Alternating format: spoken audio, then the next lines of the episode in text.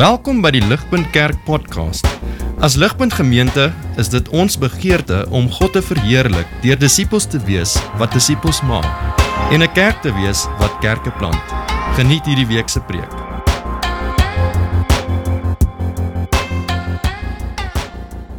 Ek werk in 'n koöperatiewe omgewing met al die tipiese uitdagings van daai omgewing. Die van julle wat dit ken, sal die gereelde gesprekke rondom die tema health and safety um nogals goed ken.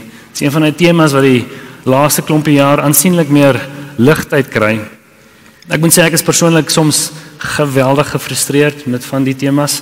Die ouens raak soms hier en daar baie belaglik met dit. Ek voel soms ek moet 'n weet 'n roetebeplanning uitskryf as ek badkamer toe moet gaan, maar ek het dit gelukkig nog nie gedoen nie. Um want ek besef weet daar is daar's 'n rede vir dit.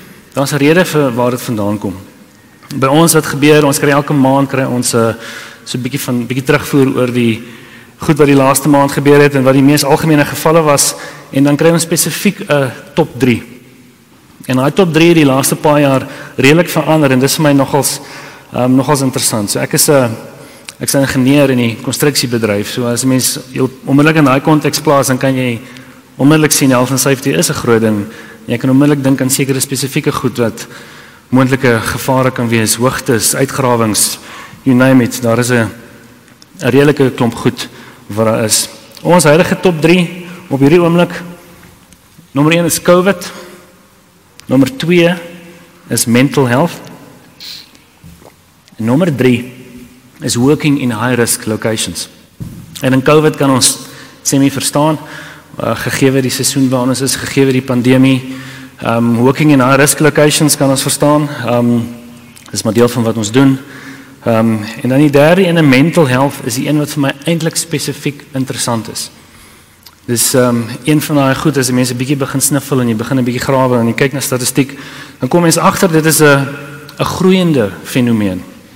Dis 'n fenomeen by ons omgewing wat bekend is vir sy werksbevrediging. Dis iets wat definitief aan die groei is, definitief iets is wat meer word en ek wil voor ek verder gaan spesifiek noem, ek ek praat nie as ek praat van mental health goed, ek praat nie van die kliniese gevalle wat mediese ingryping of sielkundige ingryping nodig het. Ek praat van wat hulle kategoriseer as die common health, uh, common mental health issues. En dit sluit in goed soos die volgende. Sluit goed in soos angstigheid, oordrewe spanning, slapeloosheid, hopeloosheid, swaarmoedigheid, ontnugtering. Engels beskryf dit dalk 'n bietjie beter disillusionment, disillusionment met die lewe, disillusionment met jou werk ensovoorts ensovoorts ensovoorts. Ons het die laaste 2 weke gepraat, verskeie goed genoem, ons het gesê ons ons het rus nodig want ons is konstant moeg. Ons is te besig. En ons het ook gesê ons sukkel om te rus. Ek probeer daai goed maar gereeld af internaliseer vir myself en en ek dink daar's regtig waarheid daarin dat baie van die goed wat onder daai gebrek aan rus sit, wat onder daai moegheid sit, is juist baie van hierdie tipe van goed, hierdie angstigheid, die spanning ensovoorts ensovoorts. Ek dink daar's verskeie redes vir dit. Kan maar net wees werksdruk, dit kan wees eksterne druk, verwagtinge van die wêreld daar buite. Dit kan wees verwagtinge wat ons vir onsself wakker maak.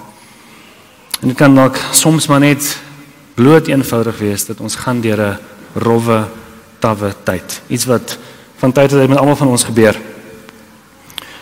Ons wil dan vir mekaar sê en ons het dit in die laaste paar weke ook gesê en dit word dit ook volgens genoem. Ons sal vir mekaar sê ek het 'n breek nodig. Ek het rus nodig. En ons gaan met vakansie en ons dink dit gaan help en dit help vir 2 weke, 3 weke Ons is so paar dae weer terug by die werk en ons is weer presies in dieselfde gat waar ons was. Maar dit wat ons eintlik na soek, dit wat ons eintlik nodig het, is eerder 'n sielsrus, iets aansienlik dieper, 'n gevoel van vrede en rustigheid. En ehm uh, ek begin daar want dis dis iets wat vir my ongelooflik bekend is. Daai gevoel, daai behoefte. Ek het um, in die laaste 4 jaar spesifiek 2018, 2019 maar dis 'n bietjie van 'n herhalende tema verskriklik naby aan die afgrond gekom van totaal al uitbrand. Spesifiek rondom September, Oktober. Ek dink dis 'n 'n datum en 'n tyd wat baie van ons eintlik by by daai punt uitkom. En ek het lank gevat om regtig te besef weet waar waar kom hierdie vandaan? Hoekom sukkel ek met hierdie swaar gemoed, met hierdie swaar gevoelens en ek moes besef en ons gaan dit 'n bietjie uitbou vanoggend. Dat die resultaat van dit vir my spesifiek was 'n ontnigtering oor die lewe as gevolg van misplaaste begeertes, misplaaste behoeftes, 'n misplaaste identiteit. Um, en dan saam met dit kom 'n mens by die punt van gebrek aan rustigheid en vrede in 'n ou se gemoed. Dit gekoppel aan werkdruk, werksverantwoordelikheid wat gereeld oordrewe is, dan kom 'n mens by 'n plek van totale onrus, totale onvrede. Ek dink God se hart is hy wil ons terugbring. Hy wil ons terugbring na 'n goddelike perspektief.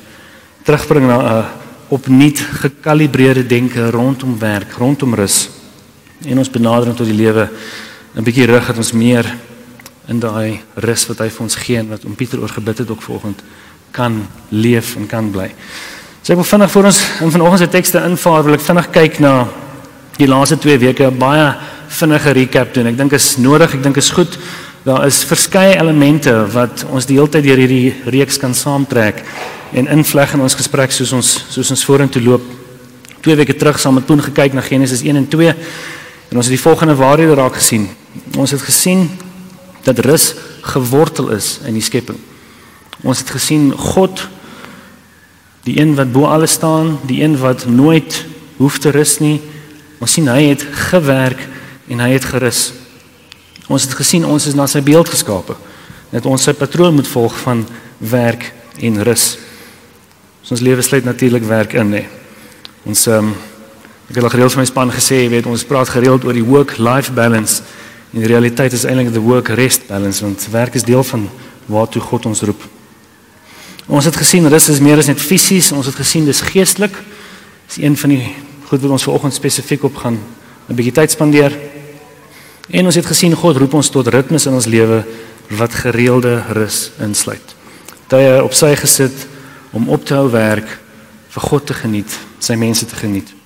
Laasweek saam met Elof gekyk na Eksodus 20, Deuteronomium 5, hier twee plekke waar God die 10 gebooie verduidelik aan Israel. En waar hy spesifiek vir hulle onder andere met hulle praat oor die Sabbat. Hulle vra om die Sabbat te onderhou. Eksodus sien ons weer eens oproep tot die onderhou van die Sabbat. As die woord Sabbat vir jou 'n bietjie wetties klink, die dag van rus wat God vir ons het, is gewortel in die skepping, selfs as twee weke terug. Deuteronomium het ons gesien die oproep tot die onderhou van die dag van rus is gewortel in die Exodus. Dat Israel se bevryding uit slawerny uit deel is van God se plan om vir hulle 'n nuwe identiteit te gee. Hy sê vir hulle Jy is nie meer 'n slaaf in Egipte nie. Jy is nou my volk. En die Sabbat is een van daai goed om hulle te herinner daaraan, te herinner aan die nuwe identiteit wat hy hulle gee. Ons het gesels oor die Sabbat as 'n begin as die Sabbat se beginsel, dit as 'n geskenk van God. Ons het gesien dis 'n tyd wat hy gegee het. Dis iets wat hy tyd wat hy geseën het, dis iets wat hy gee vir ons om op te werk, te reflekteer, weer eens om in sy skepping te geniet. So ons het gesien rus is gewortel. Ons is ge gemaak om te te rus. Ons is gered om te rus. En volgens soos ons 'n bietjie kyk na Matteus 11 en Markus 2, spesifiek Matteus 11, gaan ons sien dat God het ons gered ook tot rus. Soos ons kyk na die persoon van Jesus. So kom ons duik 'n bietjie in.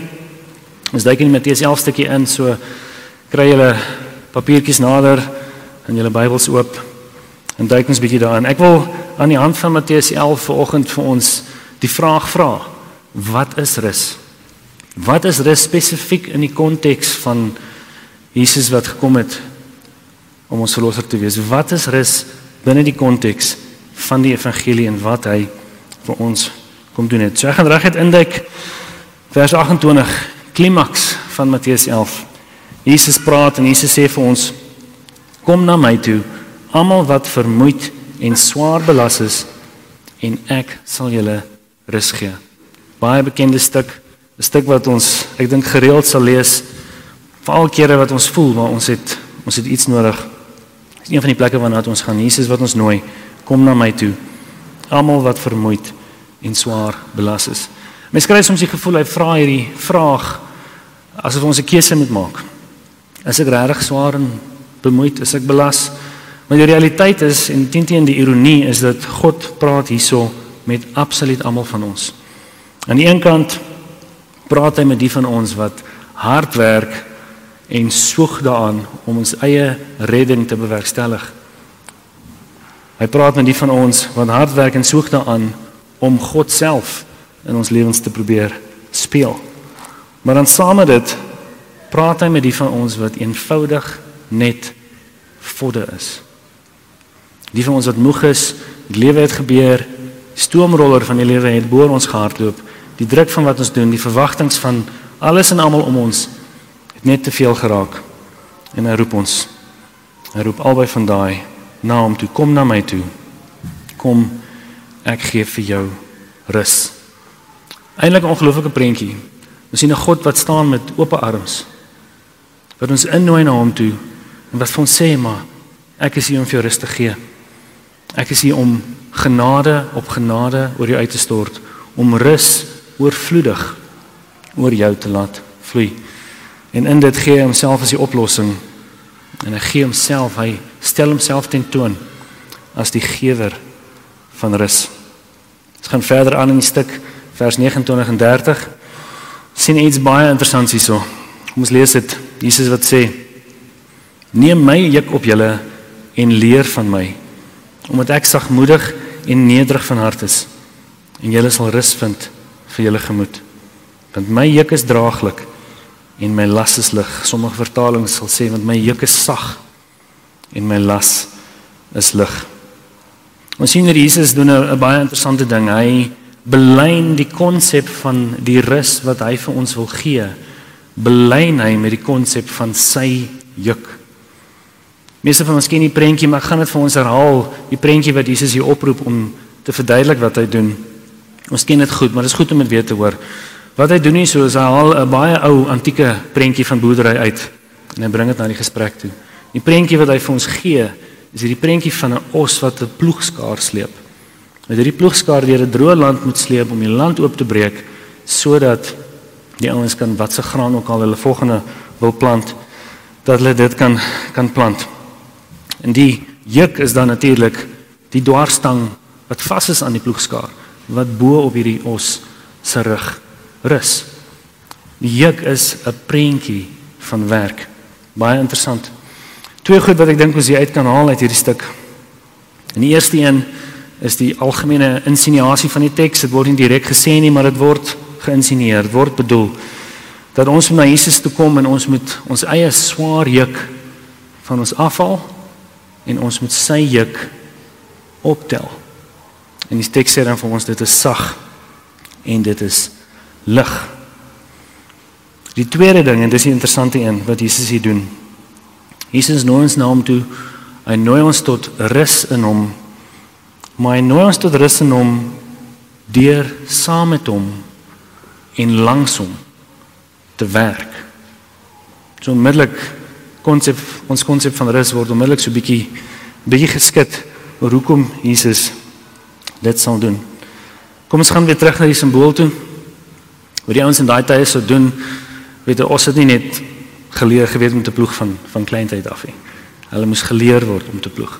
So wat hulle gereeld sou doen is hulle sou 'n jong ossie vat en die jong ossie sit langs 'n groot sterk os. En dan natuurlik die groot juk wat op die groot os is, die klein os is daar nie nie veel gewig op hom nie.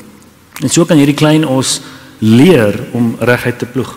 As jy hom alleen daar sou sit, sou hy links gaan of hy sou regs gaan. Maar saam met die groot os leer hy om reguit te ploeg, om reguit te werk en reg te werk. Juk is nie baie swaar op hom nie, maar hy's daar. Hy kan leer. In ons konteks saam met Jesus is dit basies presies dieselfde. As ons dit doen, ons bydra tel nie. Ons is as ware nie nodig nie. Maar Jesus kom nog steeds en hy nooi ons na hom toe. Hy sê wees by my, wees langs my. Ons kan by hom leer dan hoe om te werk en ons kan by hom leer wat rus is. En om dit anders te stel, ons wees by hom is dan rus. Want ons hoef nie meer te soek om die droë land van ons eie lewe te probeer oopploeg nie. Sy las is lig, sy juk is sag. Hy kom om vir ons rus te gee. Die hele stuk natuurlik raak, soos ek net nou genoem het, verskillende goed aan. Jesus spreek godsdienstigheid aan en hy sê vir ons hy maak ons vry van dit. Ons hoef nie meer te soeg om geregverdig by hom te staan nie. Maar hy raak veel meer aan as dit. Hy daag ons spesifiek uit rondom ons konsep van rus en hy daag ons uit rondom ons konsep van werk. So 'n eenstelling hierso sê hy vir ons basies dat rus is nie net noodwendig die afwesigheid van werk nie. En hy sê ook vir ons dat werk is nie noodwendig in teenstelling tot rus nie. Hy roep ons hierso na iets dieper om aan vas te hou. Rus wat dieper lê, 'n verstaan van werk wat dieper lê. Hy wil ons met dit help en rig dan is werk nie net bloot vir ons iets is waaruit ons iets kan kry nie. Dit rus nie vir ons net gaan oor wanneer ons fisies moet rus nie. Vir beide daardie werk en rus roep hy ons na hom toe. Maar verse terug, vers 27 sê Jesus die volgende. Hy sê alles is deur my Vader aan my toevertrou.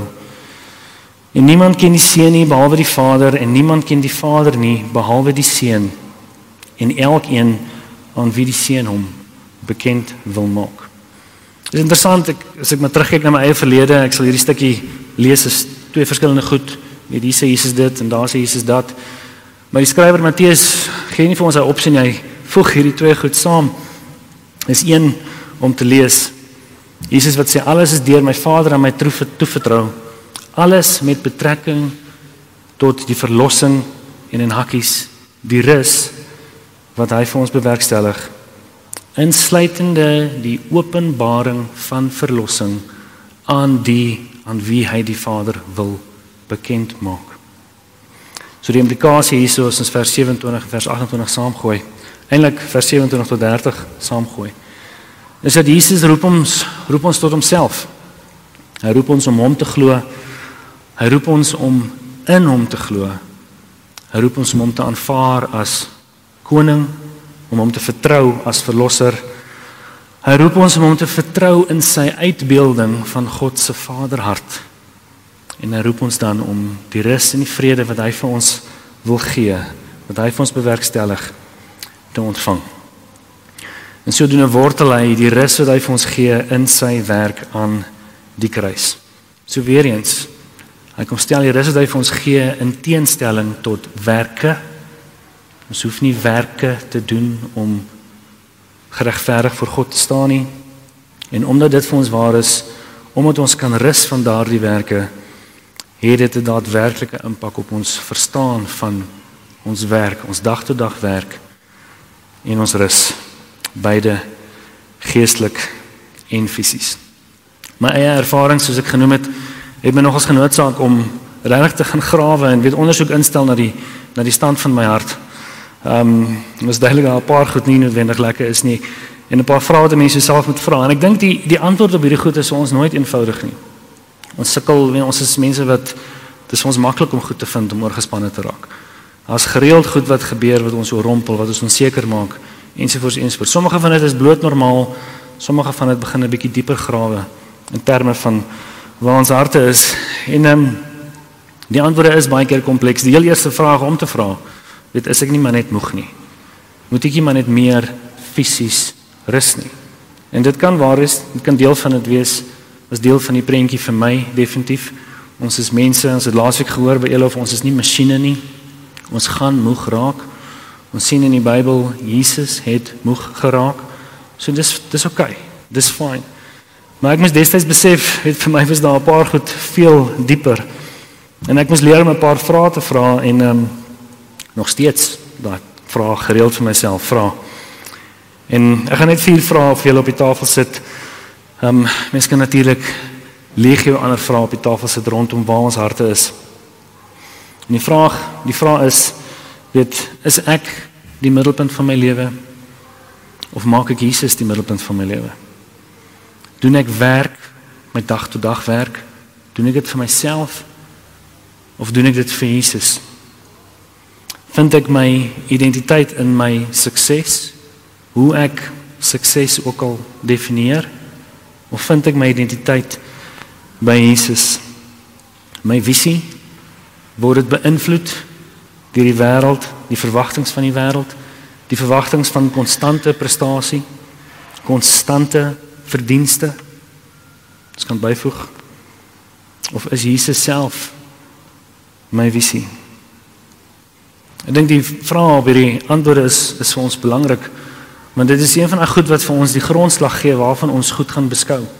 Hierdie manier hoe ek oor goed dink, die manier hoe ek oor goed glo is hoe ek gaan reageer, hoe ek gaan die lewe benader.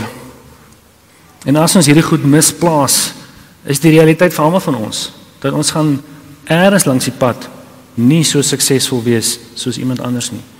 Ons gaan eers langs die pad nie so goed presteer soos iets of iemand ekstern verwag nie. Ons gaan eers langs die pad nie so goed presteer soos ons gereeld self intern verwag nie.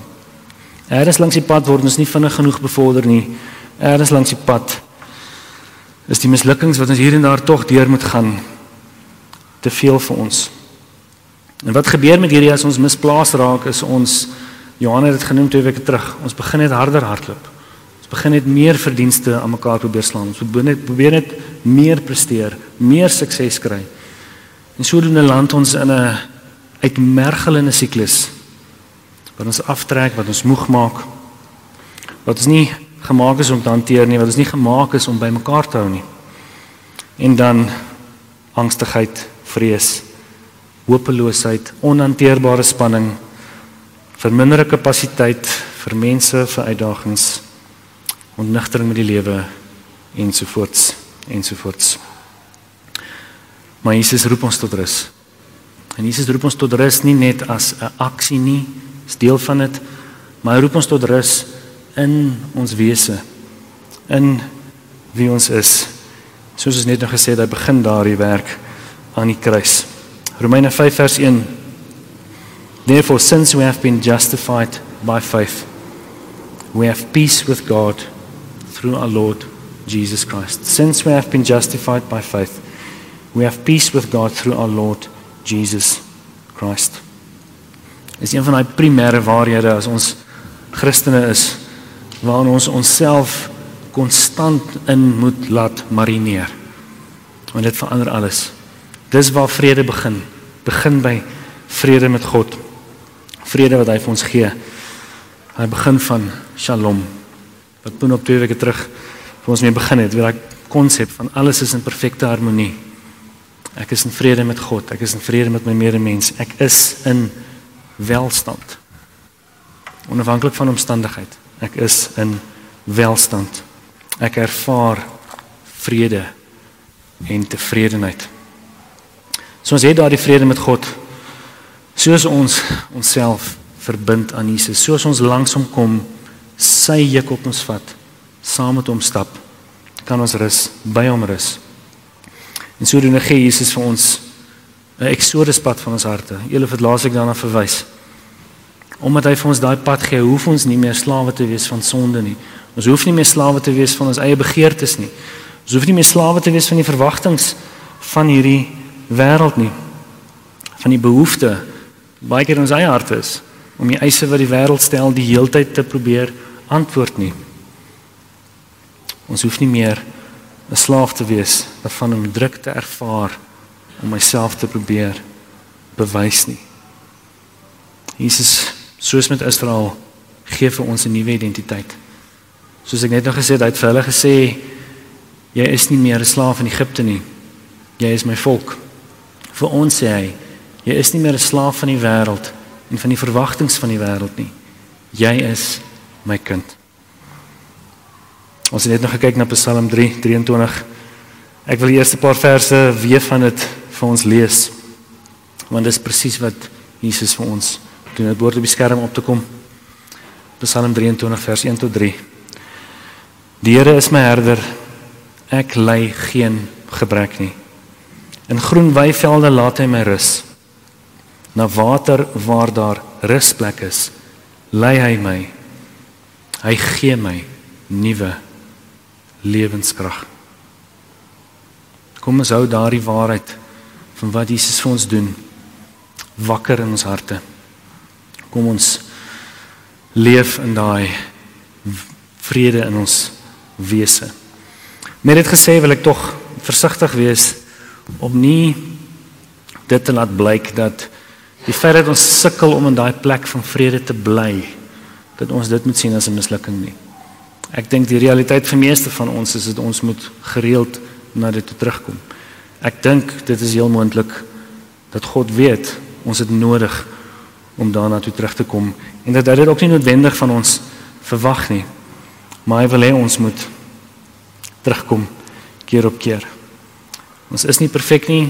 Die lewe gaan van tyd tot tyd met ons gebeur. Ons gaan hier en daar gestoomroller word deur die lewe en ons gaan weer moet beklei om ons harte terug na Jesus toe. Na sy vrede, na die feit dat ons in hom is. Dis iets wat ek verseker nodig het. Ek is gelukkig genoeg om 'n klomp amazing mense saam met my in die gesinsgroep te hê en ek dink as julle met hulle begin gesels, gaan julle hoor hoe hulle kan praat oor my gereelde kerm by die groep rondom my eie negativiteit. Iets waarmee ek maar van tyd tot tyd sukkel. So ek het definitief nodig om teruggebring te word en teruggeroep te word na na Jesus toe. Teruggebring te word na die regte perspektief van die vrede wat ek binne in hom het. Ek het al vir hulle gesê ek ek definieer die Christen lewenspad vir myself soms as a fight for joy, a fight for peace. Ek sê dit versigtig want al hierdie definisies wat ons skep, weet dit gee nooit vir ons die volronde prentjie van wat die Christenlewe wandel is nie. Maar in hierdie spesifieke ding is dit iets wat my nogals help. Kere wat dit swaar gaan, kere wat dit moeilik is om te onthou, myself te herinner, hier is iets om voor te beklei. Jesus het reeds vir my vrede bewerkstellig. Ja, hierdie situasie is hier. Maar Jaco, jy is in Jesus. Hou aan fight. Hou aan fight. Dink die vraag vir ons wat ons moet vra dan is miskien net 'n bietjie hoe. Hoe beklei ons? Hoe hou ons ons harte aanhoudend terugbring na daai plek toe? Wat ons in hierdie huidige reeks probeer doen is so 'n bietjie fokus rondom die beginsel van die Sabbat wat in die Ou Testament daar was, in die Nuwe Testament ehm um, definitief nie meer beskryf as as 'n wet nie en is definitief nie 'n 'n wet wat ons moet onderhou nie, maar daar's baie waarde in dit. En daarvoor wil ek eens met in die laaste stuk ingaan, Markus 2. Gaan nie geweldig lank tyd hier spandeer nie. Ons 'n paar goeie waarhede vir ons om om hier uit te tel. Ons sien hierso Jesus soos wat sy gewoonte was, iets op die Sabbat gedoen wat die Fariseërs nie van gehou het nie. Hulle het al die reëls gehad, men as die Bybelse reëls, hulle het 1500 plus ekstra reëls bo-op dit bygesit van wat mense mag en nie mag doen nie. En 'n hele lang rits van hulle rondom die Sabbat rondom die dag van rus. En ons sien hier so Jesus se disippels wat by 'n koringland verbyloop en hulle pluk van die are en hulle begin eet en die Fariseërs is omgekrap omdat dit iets is wat jy nie mag doen nie. En soos ek sê, dis 'n herhalende tema, iets wat Jesus gereeld kom doen het en Jesus het dit spesifiek onder andere gedoen om vir die Fariseërs te wys, die wette is nie gegee vir julle om wetties te wees nie. Die wette is gegee vir julle want dit is goed vir julle. En so ook met die Sabbat. Hy verwys hier na Dawid. Dawid wat iets gedoen het 'n hele klomp eeue voor sy tyd waar hy van die brood wat net op sy gesit was vir die priesters om te eet, geneem het en vir sy manskappe gegee het en daarvan geëet het. En hy gebruik hierdie voorbeeld van die fariseërs toe nie om vir hulle te wys jy's Dawid was ook verkeerd nie. Hy gebruik dit juis om vir hulle te wys die wette gaan nie oor om wetties te wees nie. Die wette gaan oor meer. Die Sabbat gaan nie oor om wetties te wees nie. Die Sabbat is iets wat vir jou goed is. Dis iets wat jy moet uitsien. Dit is nie iets wat net nog las op jou moet sit nie. Die Sabbat is gemaak vir die mens, nie die mens vir die Sabbat nie. Vers 27. Die Sabbat, die dag van rus wat God ons toeëien, is vir ons goed. Hy wil hê ons moet dit sien as 'n geskenk uit sy hand uit. So hoe is die Sabbat 'n geskenk vir ons? Die storie net na hierdie ene sien ons Jesus gaan in 'n sinagoge in en daar's 'n man met 'n van die vertaling sê 'n verdorde hand, van die vertaling sê 'n wrinkled hand of 'n ver, verrimpelde hand. Weer eens dis 'n Sabbat. Jesus genees die ou se hand. En weer eens is die Fariseërs geweldig ontstel oor dit. Dis 'n tema wat ons eintlik sien nogal gereeld herhaal in die Nuwe Testament. Jesus genees op die Sabbat. En hy is nie toevallig nie. Jesus wil jy sê ons moet die Sabbat so sien, die dag van rus so sien. Dit is 'n tyd van genesing. Dit is 'n tyd wat hy ons gee om gereeld te herkalibreer, weer die regte perspektief te kry. Dit is 'n tyd wat hy ons gee as 'n geskenk sodat ons kan seker maak ons hou aan ons identiteit op hom bou, ons hou aan ons waarde besef by hom plaas in steede van al die ander goed wat reeds genoem is. Dit is 'n tyd wat hy gee waar ons die stoomroller van die lewe doelbewus mag parkeer. Waar ons kan terugstaan van ons van ons werk die in die behoefte om dinge gedoen te kry en waar ons fisies kan rus, waar ons aktief tyd met God kan spandeer.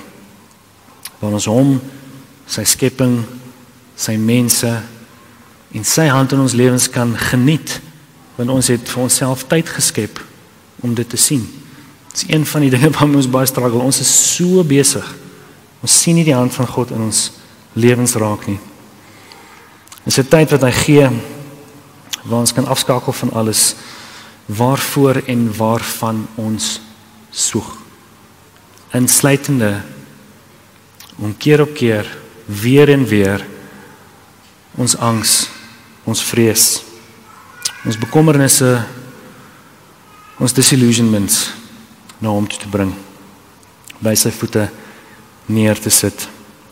Jesus roep ons tot rus. Ek gaan die versoeking weerstaan om so 'n bietjie prakties te raak rondom die Sabbat. Ek dink vorige twee preke is daar 'n paar goeie beginsels gegee. Elof het vir ons 'n klompie resources gegee om na te kyk. Gaan na dit, kyk na dit. Beplan hoe so 'n tipe van dag vir julle kan werk. Moenie wetties wees oor dit nie, maar gaan in die dag in om God werklik te soek. Maar soos julle dit dan doen, onthou die volgende vers 28. Ek dink nie ons het dit vanoggend gelees nie in Markus As dit eindig nie met die Sabbat is gemaak vir die mens en nie, nie die mens vir die Sabbat nie. Dit eindig met die seun van die mens. Hy verwys na homself is ook Here van die Sabbat. Jesus is die God van die Sabbat. Hy is die koning van rus. Hy is ons Sabbat. In realiteit is hy self ons sewende dag. So hy roep ons na hom toe Hy roep ons tot rus. En hy gee vir ons 'n dag van fisiese rus waar ons kan rus vanaf ons werk om te kan rus tot hom. En die idee is dan nie net daai dag nie, nie net op die Sabbat nie, maar elke dag van die week te midde van ons baie harde, baie goeie werk. Ek sluit ons af met 'n quote van Eugene Peterson soos hy Matteus 11 vir ons parafreer behoort ook op die skerm op te kom. Are you tired, worn out, burned out on religion? Come to me. Get away with me and you'll recover your life. I'll show you how to take a real rest. Walk with me and work with me. Watch how I do it. Learn the unforced rhythms of grace. I won't lay anything heavy or ill fitting on you. Keep company with me and you'll learn to live freely and lightly. Kom ons. Here ons dankie vanoggend dat U God van rus is. Here U is 'n God wat ons roep tot rus. Here U ken ons lewens. U was self 'n mens Jesus. U het self die versoeking ervaar, U het self die druk ervaar, U het self moeg geword. En daarom kan U oorvloedig genade ook vir ons gee. Here ons eerstens dankie sê Here vir U werk aan die kruis. Here dankie dat ons hier kan staan vanoggend. Here ons verdien nie om U te wees skoon gewas van sonde nie, maar tog het U dit vir ons gegee. U het ons kom vrymaak van sonde. En Here U maak ons vry van al die verwagtinge van die wêreld, al die druk van die wêreld. En laat ons rus in U. Niks anders Here hoef te bepaal wie en wat ons is nie. U alleen bepaal. So volgens sê ons dankie vir dit, Here, en ons bid dat U ons kom vul, Here, met U liefde, kom vul met U genade, kom vul met U rus. Help ons, Here, om konstant te onthou U is ons rus. U is ons Sabbat. U is ons sewende dag. Ons loof U vir genade en U rus. Amen. Vir meer inligting oor Ligpunt Kerk, besoek gerus ons webwerf op www.ligpunt.com of kontak ons gerus by info@ligpunt.com